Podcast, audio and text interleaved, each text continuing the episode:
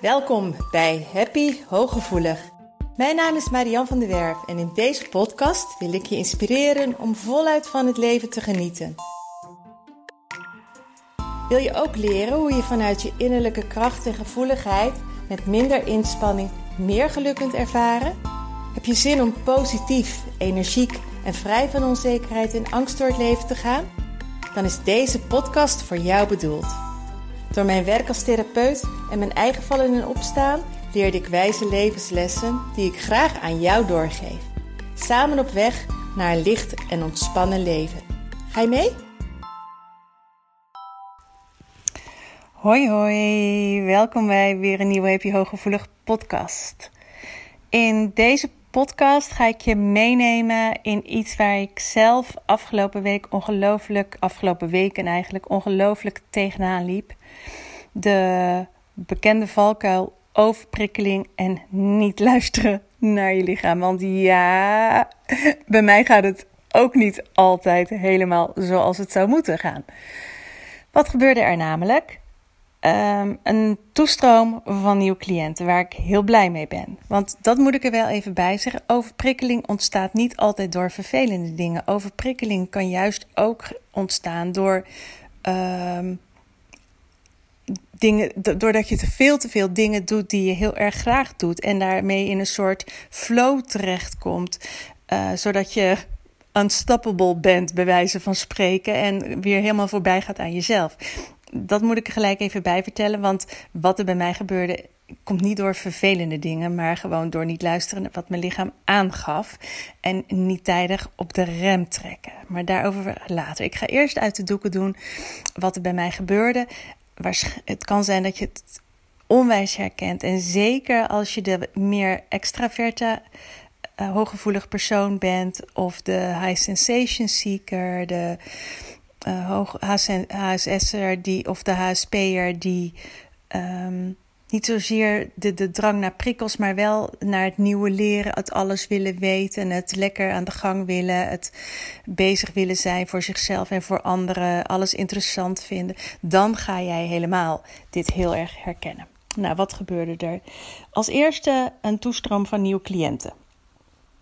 Waarbij ik dacht van die wil ik toch op korte termijn inplannen. Best ook um, mensen die echt omhoog zaten, veel verdriet hebben, echt nodig hebben.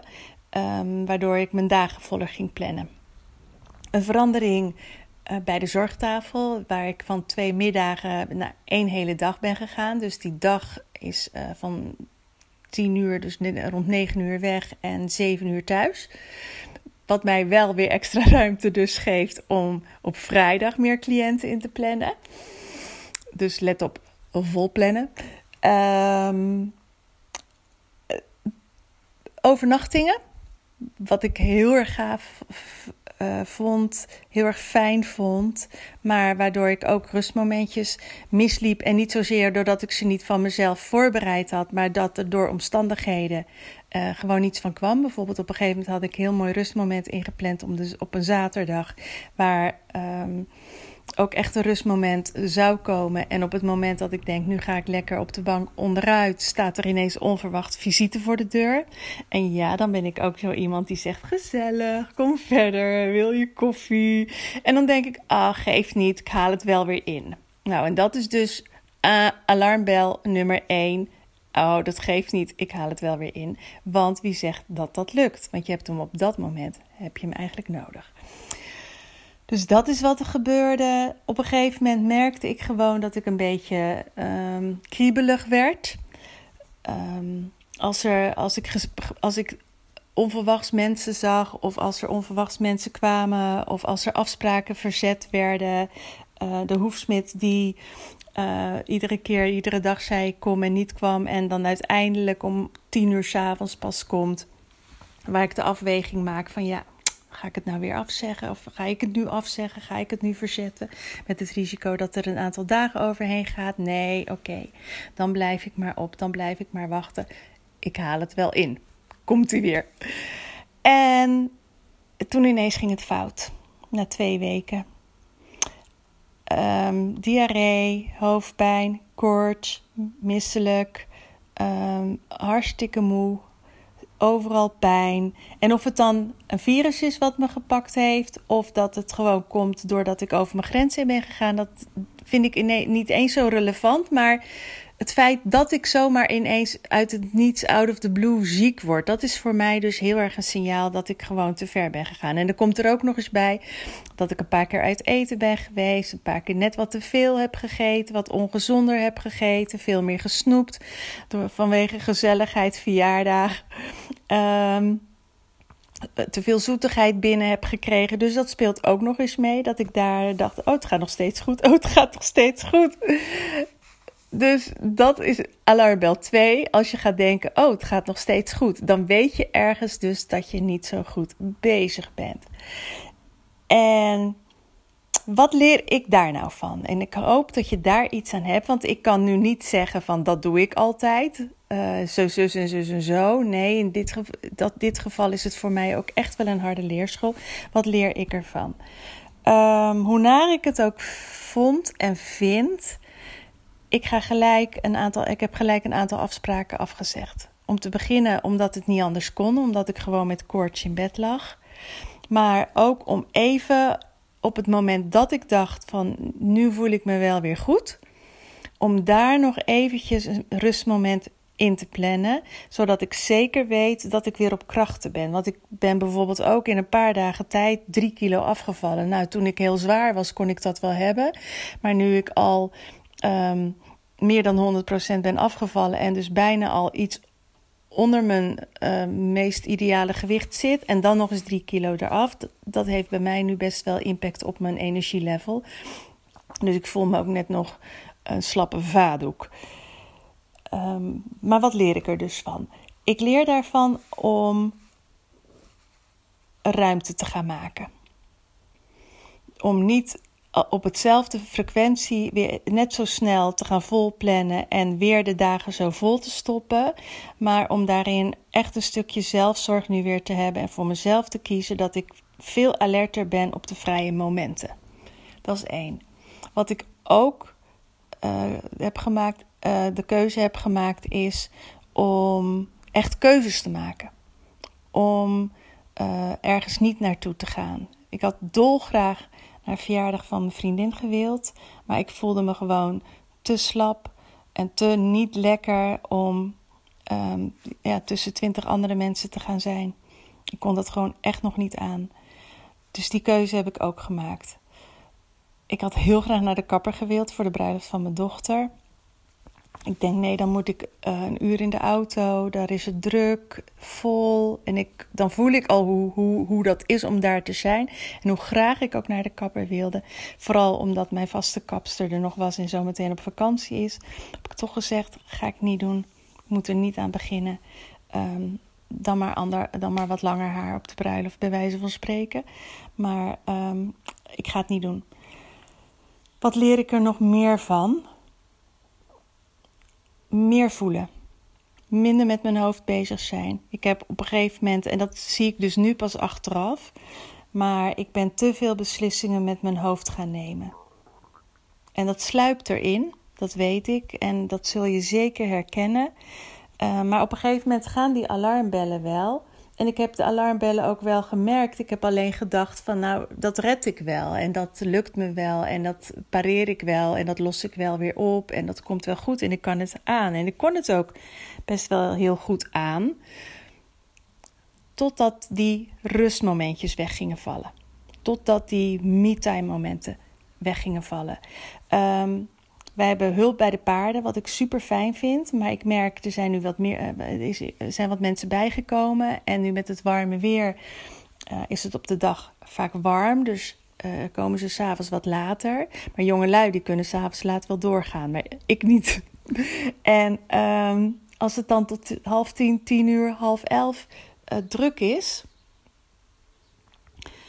Um, dan, dan kan ik dat blijkbaar niet meer aan. Ik heb denk ik vanaf een uur of half negen, negen uur echt rust in de tent nodig. En ook al ben ik er niet bij, dan weet ik toch dat er nog mensen bezig zijn. Dan weet ik toch dat er nog uh, met de paarden iets gedaan wordt. Dan ga, wil ik toch nog even checken en toch nog een keer hooi gaan geven. En um, toch dat geroezemoes, dat gepraat.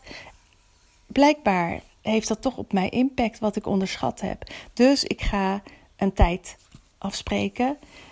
Uh, waarop het gewoon uh, dicht is bij ons, bij wijze van spreken. Dat er even niemand meer is s'avonds vanaf een bepaalde tijd. Dat zijn maar kleine dingetjes. En dan denk je van, wauw ja, wat geeft dat misschien nou? Maar aan de andere kant denk ik en hoop ik dat je dit dus juist heel erg herkent.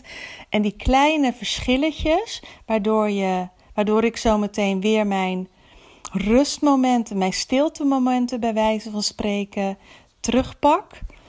Ehm, dat dat heel veel gaat opleveren. En ik heb ook nog meer respect gekregen voor mensen die in de binnenstad wonen, die altijd lawaai om zich heen hebben, of die altijd geluid om zich heen hebben, die nog harder moeten zoeken om van, van deze ontspanningsmomenten te kunnen vinden, die stilte momenten te kunnen vinden. Want wow, als er geen stilte momenten zijn, hoe snel gaat het dan? Bij mij is het denk ik in drie, vier weken is dit gewoon zo opgelopen dat ik gewoon letterlijk weer eruit knalde eventjes. En gelukkig is het niet zo ver gekomen als een jaar geleden. Ongeveer een jaar geleden, iemand zei al, dit is een déjà vu. Een jaar geleden had ik dit ook, maar toen heeft het me zes weken gekost. Toen had ik een hele heftige infectie en heb ik zelfs in het ziekenhuis gelegen. Dus toen kwam die heel hard binnen. Um, dus ik ben er nu gelukkig wel um, veel milder van afgekomen dit keer. En het is dus hopelijk wel een podcast um, waar jij iets aan hebt, doordat ik mijn eigen valkuil zo duidelijk maak. Want A, weet je daarmee dat het bij mij dus ook niet altijd goed gaat. En B, uh, hoop ik dat je er echt iets aan hebt, dat je voor jezelf nog sneller ook merkt van hé, hey, nu gaat dit wegvallen. Als dit weg gaat vallen, als dit weg gaat vallen, dan, gaat ga, dan ga ik de fout in. En probeer ook te blijven voelen. Probeer je lichaamssignalen. De laatste drie dagen voordat dit gebeurde, zei ik tegen mezelf: Hé hey Marjan, nu moet je gaan opletten, want je nek raakt verkrampt. En dat is een slecht teken. Dus ga op je tellen passen. Ga keuzes maken. Ga ervoor zorgen dat dit uh, anders gaat worden. En toen kwamen er nog een paar dingen bovenop, waardoor het nog net een tandje erger werd. Dus ik, het is geen lange podcast. Ik ben nog, ook nog steeds niet helemaal hersteld. Ik ben nog niet helemaal fit. Maar ik denk, ik ga hem er wel uitknallen. Ik ga hem aan jullie meegeven. Vooral omdat ik me nu nog zo dat gevoel voor me kan halen. Hoe het een paar dagen voordat het misschien voelde bij mij. Dat die echt mijn lichaam even aan het negeren was om maar door te kunnen gaan, om die flow te kunnen blijven voelen, om lekker aan het werk te kunnen blijven, om uh, mensen te zien, te spreken, lekker uit eten te gaan. En nogmaals, soms zijn het gewoon allemaal even fijne dingen, leuke dingen met lieve mensen om je heen, wat je ook vol met liefde doet, maar dan is het gewoon toch te veel en echt een kwestie van keuzes maken, rustmomenten, je grens aangeven, paal en perk ergens aan stellen en je letterlijk energetisch en fysiek terugtrekken. Volgens mij is dat de enige manier om bijna te, te overleven, maar de enige manier om uh, de balans te houden. Dus nou, ik hoop dat je hier iets aan hebt. Deel de podcast met iemand, met anderen, als jij uh, denkt van hé, hey, die heeft hier ook iets aan. Ik ben super blij dat, dat de podcast zoveel beluisterd wordt, want ik merk gewoon dat ik vaker reacties krijg, dat het fijn is voor mensen, dat ze zich herkennen. Um, de abonnees die groeien, waar ik onwijs blij mee ben. Dus blijf alsjeblieft vooral delen, uh, beluisteren liken. Want hoe meer mensen ik kan bereiken, hoe meer mensen er iets aan mijn podcast hebben, des te fijner het is. Dankjewel weer voor het luisteren en graag tot een nieuwe Happy Hooggevoelig. Doeg! Dank dat je luisterde naar Happy Hooggevoelig. Heeft deze podcast je nieuwe inzichten gegeven? Je doet me groot plezier met een recensie op Apple Podcast. Je kunt je natuurlijk ook abonneren op dit kanaal in jouw favoriete podcast-app. Want elke week staat er een nieuwe aflevering voor jou klaar. En wil je nu zelf aan de slag en meer lichtheid ervaren? En sta je open voor nieuwe inzichten en verandering? Neem dan vooral eens een kijkje op mijn website www.zienswijs.nl. Daar help ik je graag nog verder. Zie ik je daar?